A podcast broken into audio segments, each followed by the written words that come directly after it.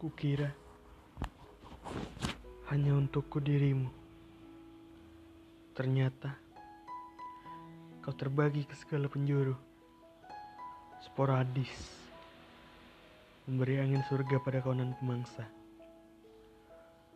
Masih kurangkah telinga ini mendengar keluh kesahmu? Belum cukupkah waktuku untuk membalas segala aduanmu? Jika aku yang kau rasa menenangkanmu, lantas mengapa ia yang menenangkanmu? Siapa gerangan dirinya? Dari mana datangnya?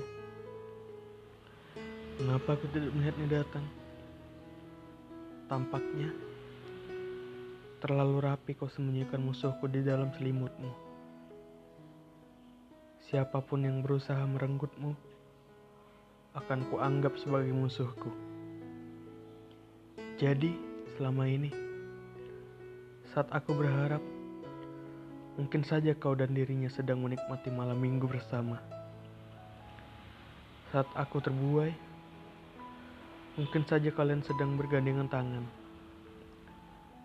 Saat aku hendak membantu masalah-masalahmu, sudah ada dirinya yang menjadi kasatria untukmu. Bravo, luar biasa. Dan kalau sebelum berperang, adalah perasaan yang sangat menyebalkan. Hari ini, mau tak mau harus kembali lagi ku pakai topeng senyumku. Kusimpan lagi perasaanku rapat-rapat. Selamat, kataku. Padahal, bara membakar hati. Sembari hangus, aku terus mengutuk diri sendiri. Wahai kau yang berjubah api, puaskah kau menjadikanku arang? Sebenar-benarnya cemburu yang menyakitkan adalah cemburu pada seseorang yang tidak peduli akan perasaan kita. Namun, ini bukan salahmu.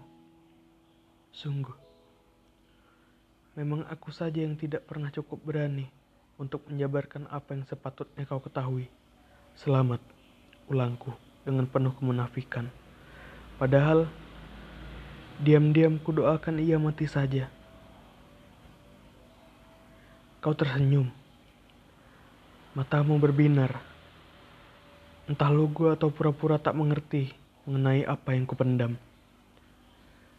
Dan aku yang bodoh ini terkunci rapat-rapat di dalam labirinmu. Tak tahu jalan keluar. Secara terselubung, kususupi hari-harimu dengan pengharapan. Secerca harapan mampu hadir bahkan di ruang tergelap. Tenang saja, kau takkan kehilangan segala perhatianku. Aku hanya menyembunyikannya dengan lebih rapi lagi. Ya, aku mengalah. Aku mengalah karena aku percaya kalau kau memang untukku.